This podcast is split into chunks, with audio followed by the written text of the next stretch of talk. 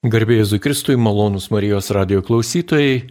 Šiandien šioje laidoje, skirtoje Lietuvo šviesuoliams, siūlome jums labiau pažinti ir gal kai kam ir iš naujo atrasti, susipažinti su Juozu Urpšiu, kuris buvo paskutinis Lietuvos nepriklausomos Respublikos tarpukario užsienio reikalų ministras ir jisai mirė 1991 m. balandžio 30 d. sulaukęs 95 metų amžiaus.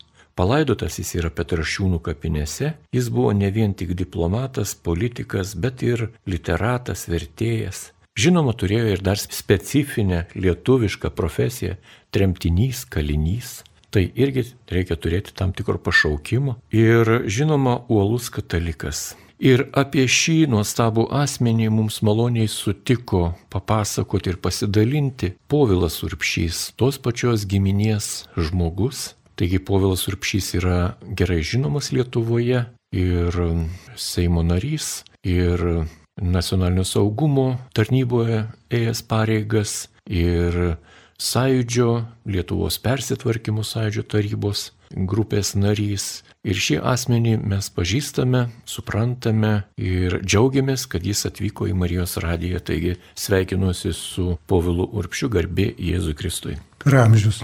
Labai dėkojame, kad esate čia ir galėsite betarpiškai, kaip pas jūs giminėjai įprasta, papasakoti apie labai iškilų Lietuvo žmogų, apie diplomatą, apie užsienio reikalų ministrą. Net nežinau, nuo ko reikėtų pradėti. Istoriškai daugelis gali tos medžiagos susirasti ir internete, ir enciklopedijose, ir kur kitur. Galbūt pradėkime nuo to, kas jis jums buvo, kaip jūs jį prisimenate, koks jis buvo.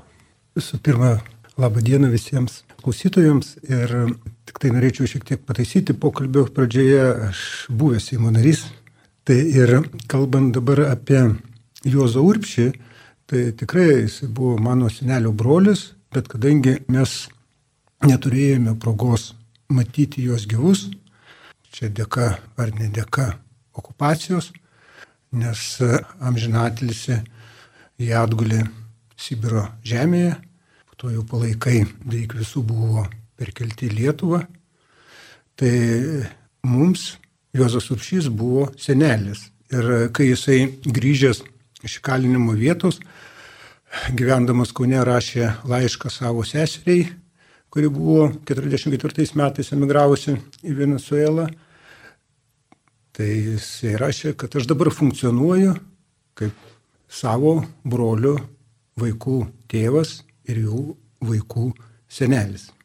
Tai ir todėl teko pažinti jį ne kaip užsienio reikalų ministrą, visų pirma, kaip žmogų, kaip senelį Juozą. Jis jums taip ir buvo senelis Juozas. Ar mylėjo jūs? Tikrai ir ta meilė buvo labai nuoširdi. Ir kiekvienas iki, kai atvykdavome svečius, jis labai smulkiai klausinėdavo mus, kaip mums sekasi, kai mes jau tapome suaugę, sukūrėme šeimas, jis klausinėjo apie mūsų vaikus. Ir jis mus apdovanodavo tai siuntiniais, kuriuos gaudavo iš užsienio. Ir mano pirmo sunaus Laurino pašniausias drabužis kaip kūdikio buvo padovanotas senelio Juozo. Ir jisai domėdavosi e, mūsų, kaip pasakyti, mūsų, nu, kaip ir darbais, ir kaip mums sekasi mokslai. Ir visada jis įspindėdavo tokia šviesia ramybė. Šiaip mes urpšėjai esame tokie, nu, kaip pasakyti, kaip ir aštroki žmonės. Nes mūsų kilmė pavardės, jinai kildinama iš prusiško sąskambio, kuris reiškia eiti į olą, nebijot pavojų. Senelis Juozas tarsi buvo išimtis, bet gal vat, jisai tapo toks, kaip vat, savo laiku pastebėjo atkurtos nepriklausomos Lietuvos pirmas užsienio reikalų ministras Saudargas, kad jis buvo tarsi tas grafitas, kuris buvo patyręs milžinišką suspaudimą ir tapęs tuo deimantu. Tai vat, iš tikrųjų mums buvo tas vat, padovanotas likimo deimantas. Kokio charakterio buvo Juozas Urpšys? Cholerikas, sangvinikas ar, arba temperamento? Jisai buvo energingas, linksmas ar buvo uždaras, tylus, ramus? Jisai turėjo labai gerą humoro jausmą. Ir e, man teko būti sustikimų liudytojų, kai pas jį svečius atvažiavo Žemkalnis Landsbergis. Ir kaip jie jaunatviškai e, jokavo, kaip jaunatviškai juokėsi. Ir visada e, Juozas Urpšys su pirmą gyvenime ieškodavo šviesos, o ne tamsos. Niekada mes nepatyrę esame nu, kažkokios tai minties apie tai, kad vat, reikia kaltinti už patirtas kančias kažką tai. Nors reikia pripažinti, jisai jautė labai didelę atsakomybę tai, kas ištiko urpšių šeimą, nes jis mane, kad jis asmeniškai už tai yra atsakingas. Ir buvo pasitas kalties jausmas, kaip žmogus tapęs be kalties kaltas. Ir kai jisai grįžo iš įkalinimo vietos ir pirmą kartą atvažiavo į savo tėviškę, kur jau tik buvo namai tušti. Ir jam pasirodė, kad e, šalia namų pjauna šieną jo brolis, kuris iš tikrųjų jo palaikai buvo Sibirė. Ir jisai toliau nežengė, nes jis bijojo, kad neplyštų širdis. Taip jis parašė irgi savo laiške seseriai. Ir tas jo jautrumas E, iš tikrųjų e, jisai pasireiškia per tokį dvasinį ramumą. Ir aš atsimenu paskutinės dienas jo gyvenimo, kai jisai negalėjo pasikelti nuo patalo, na, tikrai iš jos klydo šviesa. Jis klydo ta dvasio šviesa. Ir jis visada išsiskyrė savo bendravime toleranciją. Ir ta tolerancija buvo nedirbtinė. Ir jisai stengdavosi e, įsiklausyti, prisitaikyti prie pašnekovo ir kartu neprimesti savo nuomonės, neprimesti savęs. Ir jeigu kalbėti apie kaip žmogų ir buvusi užsienio reikalų ministrą, Tai mes dabar pastebime nu, tam tikrą susidvėjimą žmonių, kurie užima aukštas pareigas. Jis yra žmogus ir kaip pareigūnas ir tie du dalykai tarsi nesueina. Jame tai buvo viskas vientisa. Ir e, jisai niekada nu, nesijautė, kad jisai tarsi pabrėžtinai norėtų atkreipti dėmesį, kad jis buvęs užsienio reikalų ministras. Atvirkščiai, jis visada e, stengdavosi būti labai paprastas ir prieinamas. Bet kai užeidavo kalba apie Lietuvos valstybės reikalus, su kuriais jis buvo susijęs, jis iš karto tapdavo labai atsakingas. Jis apgalvodavo kiekvieną žodį. Ir ta atsakomybė jo išliko iki galo. Nes e, mes turime pripažinti, kad jisai liko vienintelis gyvas liudininkas iš tuometinės vyriausybės sudėties, kuris galėjo paliūdyti tą brutalią okupaciją Lietuvos atžvilgių. Bet tuo pačiu jis liūdėjo ne vien tik dėl Lietuvos, bet liūdėjo ir dėl Latvijos ir Estijos. Ir jo išlikimas iki galo ištikimam duotai priesaikai ir Lietuvai, tas tikrai jautėsi. Taip gana paprastai, paprastų žodžių pradėjome nepaprastą laidą, kuri yra skirta Lietuvos užsienio reikalų ministrui Juozui Urpšiui atminti. Ir apie šį nuostabų žmogų, politiką, politinį kalinį, lietuvį, šeimos tėvą pasakoja vaikaičiai. Šiuo metu Marijos radio studijoje vieši Povilas Urpšys ir jį kalbina Liutauras Serapinas. Taigi tęsiant laidą, norisi paklausti tokio klausimo, kurio nedaugam galima ir užduoti. Tai prašom neįsižeisti. Juozas Urpšys buvo vienas iš tų žmonių, kurie matė tikrovėje, galbūt net akis į akį, tuos diktatorius, kurie nulėmė Europos žmonių likimą šimtmečiams į priekį. Stalinas ir Hitleris buvo tokios asmenybės, kurios paliko brydę tokią sunkę tokia sudėtinga, iš kurios net ir šiandien padarytų, na, skaudžių tokių palikimo žaizdų negalime atsikvošėti, negalime atsigauti. Ar jis jums pasakojo apie susitikimą su Stalinu, apie ryšį su Hitleriu? Taip, pasakojo, bet e, pasakojo tada, kai mes subrendome išklausyti tai. Ir Ir tikrai jisai visada, kai kalbėjo, jisai neieškojo pateisinimo. Paprasčiausiai kalbėjo faktus. Ir aš atsimenu tą laikmetį, tautos atgimimą, Saidį, 88 metais, kai tada jisai buvo, kaip pasakyti, vienas iš garbingiausių Lietuvo žmonių. Tik po to tas požiūris kito ir man dabar asmeniškai net susidaro įspūdis, kad jisai yra galbūt kalčiausias štai kas įvyko su Lietuva 40 metais. Kažkodėl tai žmonės pamiršta, kad ir tuose lemiamose dėrybose tais pačiais 40 metais dalyvavo su juo ne kas kitas, o premjeras Mirkis. Bet e, jo atsiminimų knyga Lietuva lemtingaisiais, būtent 39-40 metais, tai galbūt ir leidžia kai kam manyti, kad jisai tarsi yra tas pagrindinis asmuo. Man tai keista irgi klausyti tuos vertinimus ir net bandyti mesti šešėlį ant jo kaip asmenybės, vos nepasakyti, kad jis toks šai minkštakūnis, nu, žmogus, kuris pasidavė spaudimui. Ir man keista matyti, kaip istorikai, jie bando nagrinėti tuos įvykius Lietuvoje, ištraukdami iš bendro konteksto. Na, sakykime, e, jis tampa užsienio reikalų ministru, tai tuo metu, kai Lenkija paskelbė ultimatumą e, Lietuvai. Ir traktuojama taip, kad štai pat ir e, Lietuva tarsi pasidavė spaudimui. Kažkodėl tai pamirštama, kad 38 e, metų pradžioje tuometinis Lenkijos užsienio reikalų ministras paliūdijo Geringui, kad Lenkija remia Vokietiją ir suinteresuota Čekoslovakijos problema. Ir neatsitiktinai 38 metų kovo 11-12 dieną, kai buvo okupuota Austrija, tai būtent kovo 19 dieną Lenkija skelbė ultimatumą Lietuvai. Ir būtent tada kularuose politinėse buvo aiškiai duodama suprasti, kad jeigu Lietuva nepatenkins Lenkijos ultimatumą, tai karinius veiksmus pradės ne tik tai Lenkija, bet ir Vokietija.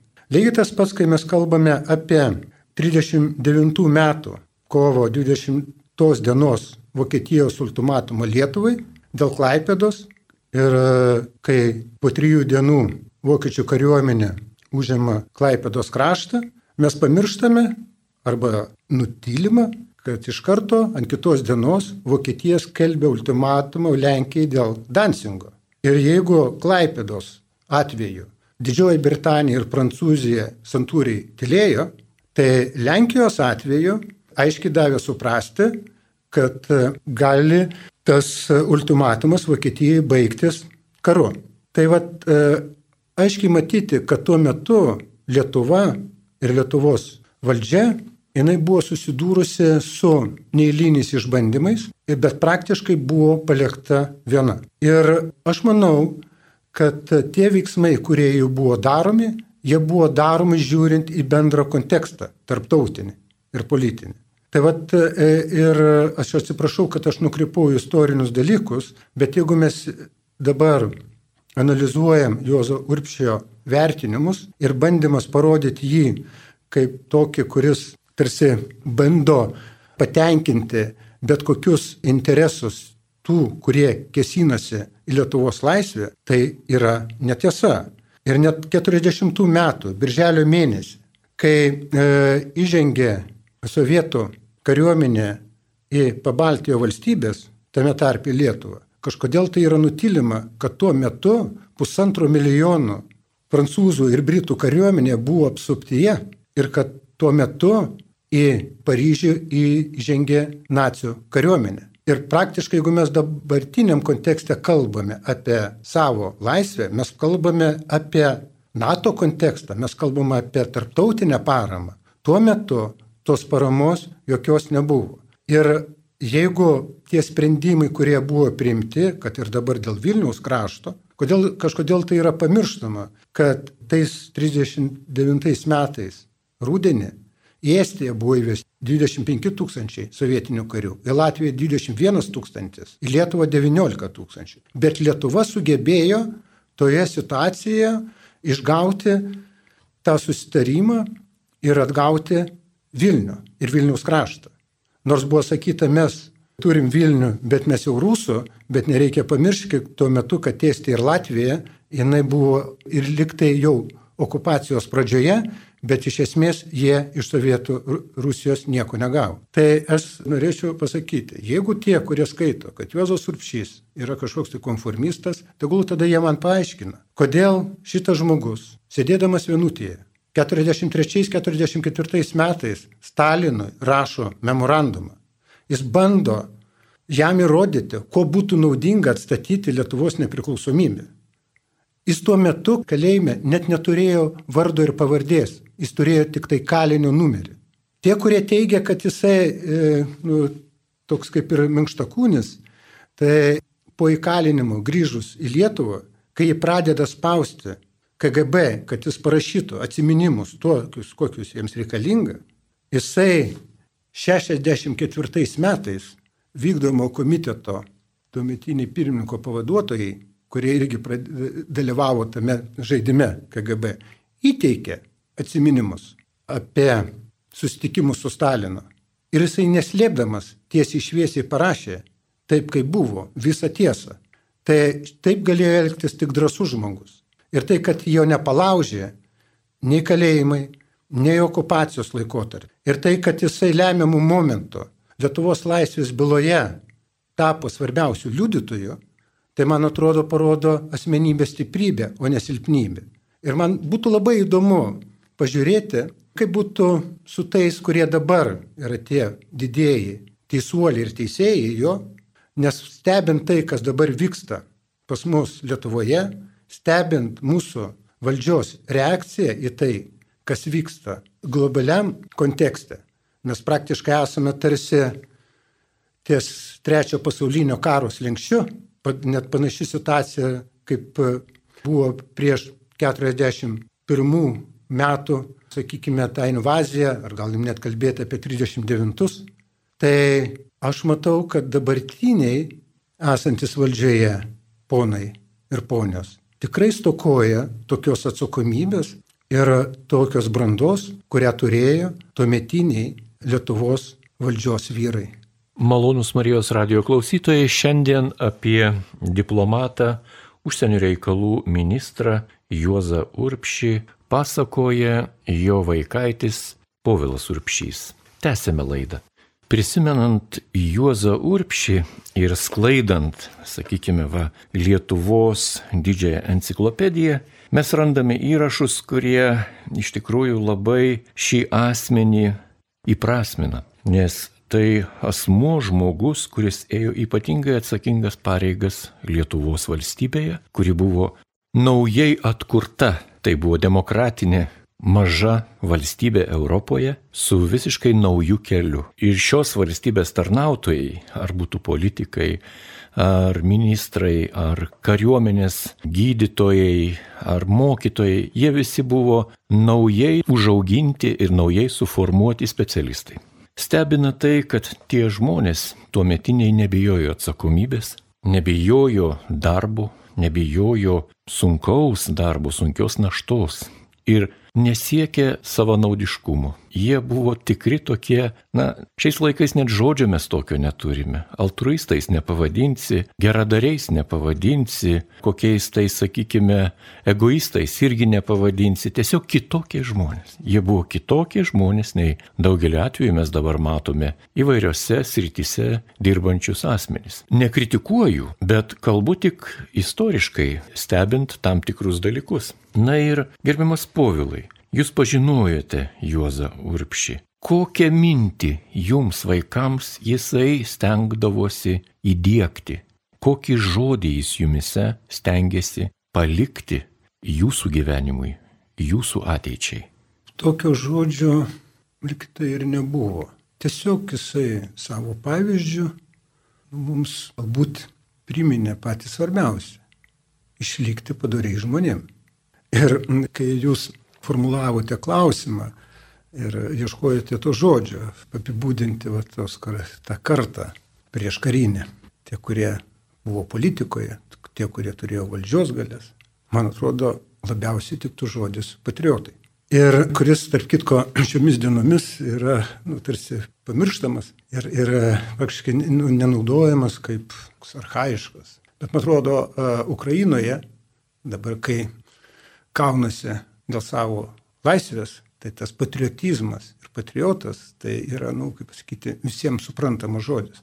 Dar nereikia pamiršti tai, kad didesnė dalis tuometinių valdžios vyrų ir moterų buvo daugiausia tie, kurie atėjo iš ūkininkų sodybų, iš daugiavaikių ūkininkų šeimų. Ir būtent tos vertybės moralinės, kurios buvo formavusi, jos formavusi tų šeimų aplinkoje. Čia galiu paminėti tokį pavyzdį.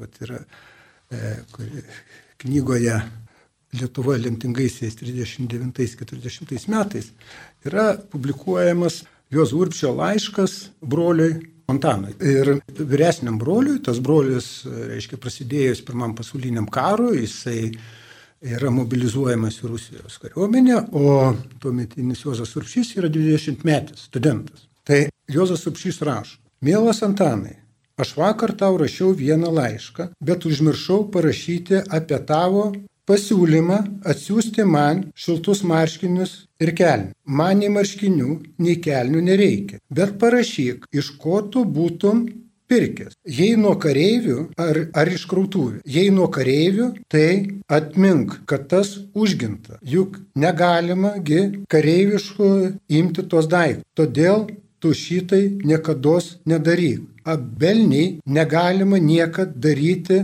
tai, kas yra užginta. Tai 20 metis Jozas Urpšys rašo savo vyresniam broliui. Štai va tai yra ta moralė, tos vertybės. Ir tai, kai jie aukojasi dėl Lietuvos, tai ta auka nėra pas juos poza. Aukojimas yra jų dvasinė būsena. Ir prisiminkime Šalkauskį. Šalkauskis tada akcentavo tai, kad Lietuvos inteligentai turi nepamiršti inteligencijos. Būtent inteligencija buvo siejama ne vien tik tai su išsilavinimu socialinė padėtim, bet su tavo auka visuomeniai, su tavo auka valstybei.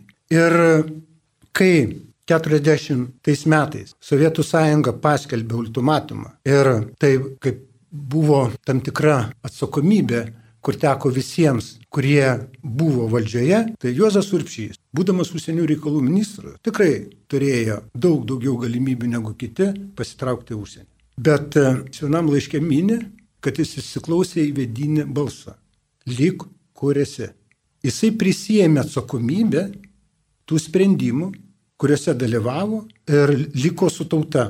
Ir todėl, jeigu mes kalbame apie dabartinį atsakomybę suvokimą ir dabartinį pasiaukojimą, tai gal mes to ir pasigendame. Ir va tas aukojimasis ir ta aukojimosi dvasia, tai buvo, nu, kaip pasakyti, išskirtinis bruožas to meto žmonių, kurie iš principo buvo atsakingi už Lietuvos likimą. Besiklausydamas jūsų gerbimas povilai, aš pastebiu tam tikrą šio pokalbio charakterį, gal taip galima būtų išsireikšti, arba netgi šio pokalbio tam tikrą tokį stilių, jog kalbėdami apie asmenį mes kalbame apie Lietuvą.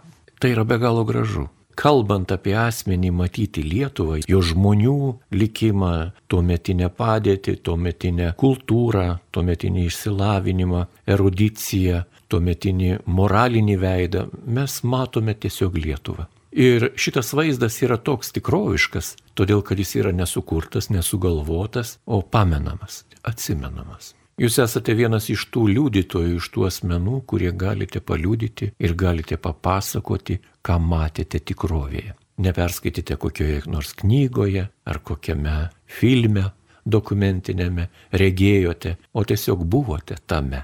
Ir esame jums dėkingi, kad šiandien atvykote į Marijos radiją pasidalinti tuo, kas pats esate ir apie ką galite paliūdyti. Šį kartą kalbame apie jūsų senelio brolį, Lietuvos diplomatą, užsienio reikalų ministrą, Lietuvos kabineto, ministrų kabineto narį pačiu sunkiausiu Lietuvai laikotarpiu, kai dvi okupantiškos jėgos, vokiškoji ir rusiškoji, dalinosi Europą. Juozas Urpšys buvo tas, kuris turėjo atstovėti tiesoje, išlaikyti baisiuose suspaudimuose ir palikti mums laisvės žymę. Žymę, kurią dabar mes galime naudotis. Naudotis tai ne tai, kad suvartoja ir neliko, o naudojasi taip, kaip naudojasi savo širdimi, savo rankomis, kad kažką nuveikt, padaryt, palikt kitiems. Ir tęsiant kalbą apie Juozą Urpšį, norisi paklausti štai ko. Enciklopedijose galbūt to nerasime. Ką jis pasakojo apie savo žmoną? Kai grįžo po tremties, jisai buvo labai ilgai nutremtas į Veznikų tokią gyvenvietę, Vladimiro srityje, jis ten berods dirbo kasininkų pirtyje, ar ne? Ar taip įsivaizduojat, kokia Rusija yra galinga ir turtinga valstybė. Jos net pirties kasininkai buvo užsienio reikalų ministrai. Taip, mes galim pasidžiaugti savo kaimynais. Mes tokių, pavyzdžiui, pirties kasininkų tai neturime ir niekada neturėsim. O jie turi galingą valstybę. Tai, bet jeigu nebravūriškai žiūrėti, ką jis pasakoja apie tremtį jums vaikams, Ar kalbėjo Zopo kalba, ar kaip kitaip? Tikrai e, mūsų, nu, kaip pasakyti, va, tos, kaip jau jo anūkams, e, jo brolių, jisai nepasakojo apie kalėjimus, apie išgyvenimus, jis tik norėjo mus apsaugoti. Bet e, jūs minėjote Veznikus. Tai Veznikus jie buvo paleisti iš kalėjimo, nes būtent kai 40 metais, dar prieš tą stojimo farsą Sovietų sąjungą, Veleckis asmeniškai pasirašė dokumentą, kad kaip pavojingus Lietuvos valstybei izoliuoti Merkį ir Urpšį su šeimos nariais. Jie taip atsiduria Tambovė, prasidėjus karui, jie yra visi įkalinami ir per visą tą laikotarpį jie būna kalėjimuose ir, kaip aš minėjau, 11 metų vienutėje.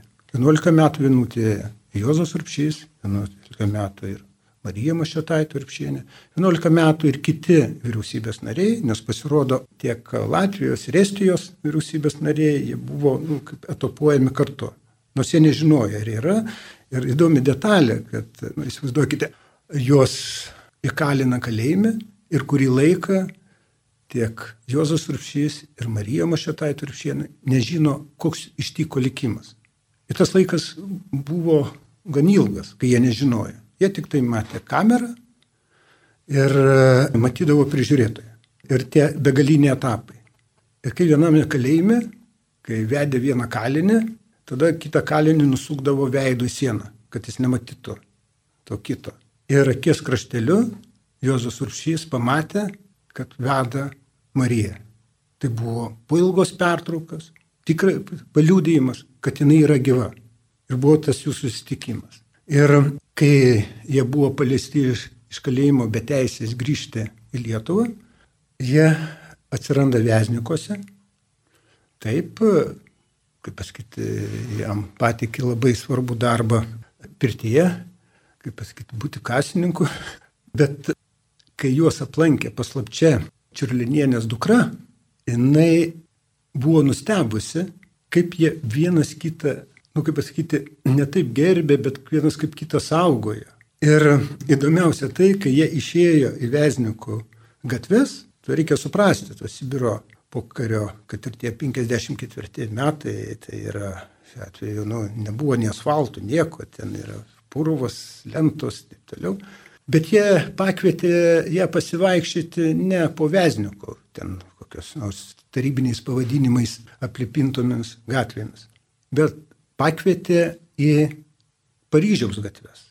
Jozas Urpšys su Marija Mašiotaitė susipažino dirbdamas Paryžiuje ambasadoje.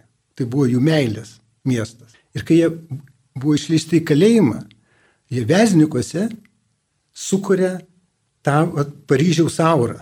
Ir tom gatvėm suteikė Paryžiaus gatvio pavadinimus.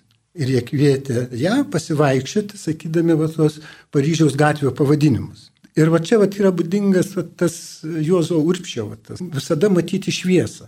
O, o tas santykis su mm, Marija Maša, jisai buvo ypatingas. Aš tik prisimenu, kad jis lab, su didelė pagarba kalbėdavo apie ją. Ir aš manau, meilė jai, jinai išliko visada su juo. Ir tai, kad e, jisai pergyveno, kai po įkalinimo, jinai neilgai grįžus į Lietuvą pagyveno, Nes iš tikrųjų tie tardymai, tie pergyvenimai, jie padarė savo. Bet e, tas meilės ryšys tikrai jisai išliko. O truputėlį vat, apsistojantis jo norom visada pamatyti pirmoje eilėje šviesą, tai irgi parodo tą jo šypseną. Jo šypsena visada būdavo gedra. Tarsi, nu, matydamas jį šypsojantis, tu tikrai negalėdavai įsivaizduoti, kad už jo pečių yra toks ilgas įkalinimas, tas toks didelis pažeminimas. Ir jeigu kalbėti apie tavo išlikimo nu, žmoguje, išsaugojimą tos šviesos, tai va, ne, nereikėtų pamiršti, kai žmogus uždaromas į vienutę, jisai e, e, nu, patiria didžiausią išbandymą. Ir didžiausias tikslas yra nepalūšti. Jisai, būdamas kameroje, kaip ir kiti, tiek tremtiniai, tiek kaliniai, iš duonos buvo pasidaręs rožantį, kalbėdavo rožinį. Paskui jisai mintimis keliaudavo tomis vietomis, kur jisai buvo. Ar tai bus tėviškė, ar tai bus Ryga, ar tai bus Berlynas, ar tai bus Paryžius. Iki smulkmenų prisimindavo kiekvieną gatvę, kiekvieną skersgatvį. Ir po to jisai užsimdavo vertimais. Tai yra prisimindavo eilėraštį ir jį versdavo į visas kalbas, kurias mokėjo. Ir kas dar svarbiausia, visada jis laikydavosi tam tikros darbo tvarkės, labai griežtos ką jis ir darė grįžęs į Lietuvą, kur pasi būdavo viskas, reiškia, tarsi suplanuota. Ir kai kam gali atrodyti, kad jis gyveno rutinoje. Bet kaip ir vienuolis, gyvendamas glazūrinėme vienuolinė, jisai rutiną moka paversti ritualu. Tai būtent Juozas Urpšys, o toj savo griežtoj darbo tvarkiai laikėsi ritualo kuris jam irgi padėjo išsaugoti savo dvasinę ramybę ir galų galiai išsaugoti save, kaip aš jau minėjau, kaip pagrindinių liudininkų lemiamų momentų Lietuvai. Na ir laidos pabaigai, kaip manote, povilai, kokią Juozo būdo ar charakterio savybę jūs perėmėte, kokią dovaną jis pasodino, pasėjo, įdėgė, paliko jūsų gyvenime, jūsų širdyje? Meilė Lietuvai. Tai kas yra svarbiausia. Ir kitas dalykas - būti padoriam ir sažiningam iki galo. Aš aišku, nesu tai, kuris galiu pasakyti, kad aš esu tai pasiekęs. Aš galbūt esu tas, kuris yra siekiantis tai. Tai tiek, nes iš tikrųjų ir dar va, tas yra aukojimasis. Ir kartais žmona sako, sako, ah, tu be manęs dar turi kitą meilę. Sako, tu turi Lietuvą. Tai va šitą dalyką jis perdavė mums. Malonus Marijos radio klausytojai, šiandien jums apie Lietuvos diplomatą, užsienio reikalų ministrą Juozą Urpšį, kuris lemiamų Lietuvai metu iki 1940 m. birželio 15 dienos ėjo užsienio reikalų ministro pareigas ir buvo tuometinės vyriausybės narys, vėliau buvo įkalintas 25 metų kalėjimo terminui O tik Stalinui mirus buvo peržiūrėta jo byla ir jis buvo paleistas iš kalėjimo be teisės grįžti į tėvynę Lietuvą. Gyveno kartu su žmona Vladimiro srityje, o tik 1956 m. eigoje grįžo į tėvynę, gyveno Sofijos Čiurlionienės namuose Kaune ir sulaukė susitikimo su viešpačiu kuriejų 1991 metais palaidotas Kaune. Apie šį nuostabų asmenį ir žinoma savo patirtį pasakojo kitas urpšys, Povilas urpšys, kuris šiandien mus džiugina atlikdamas pareigą tėviniai Lietuvai, būdamas kartu su mumis Marijos radijuje. Klausimus Povilui Urpšiui uždavė Liutauras Serapinas, ragindamas ir toliau likti su Marijos radiju.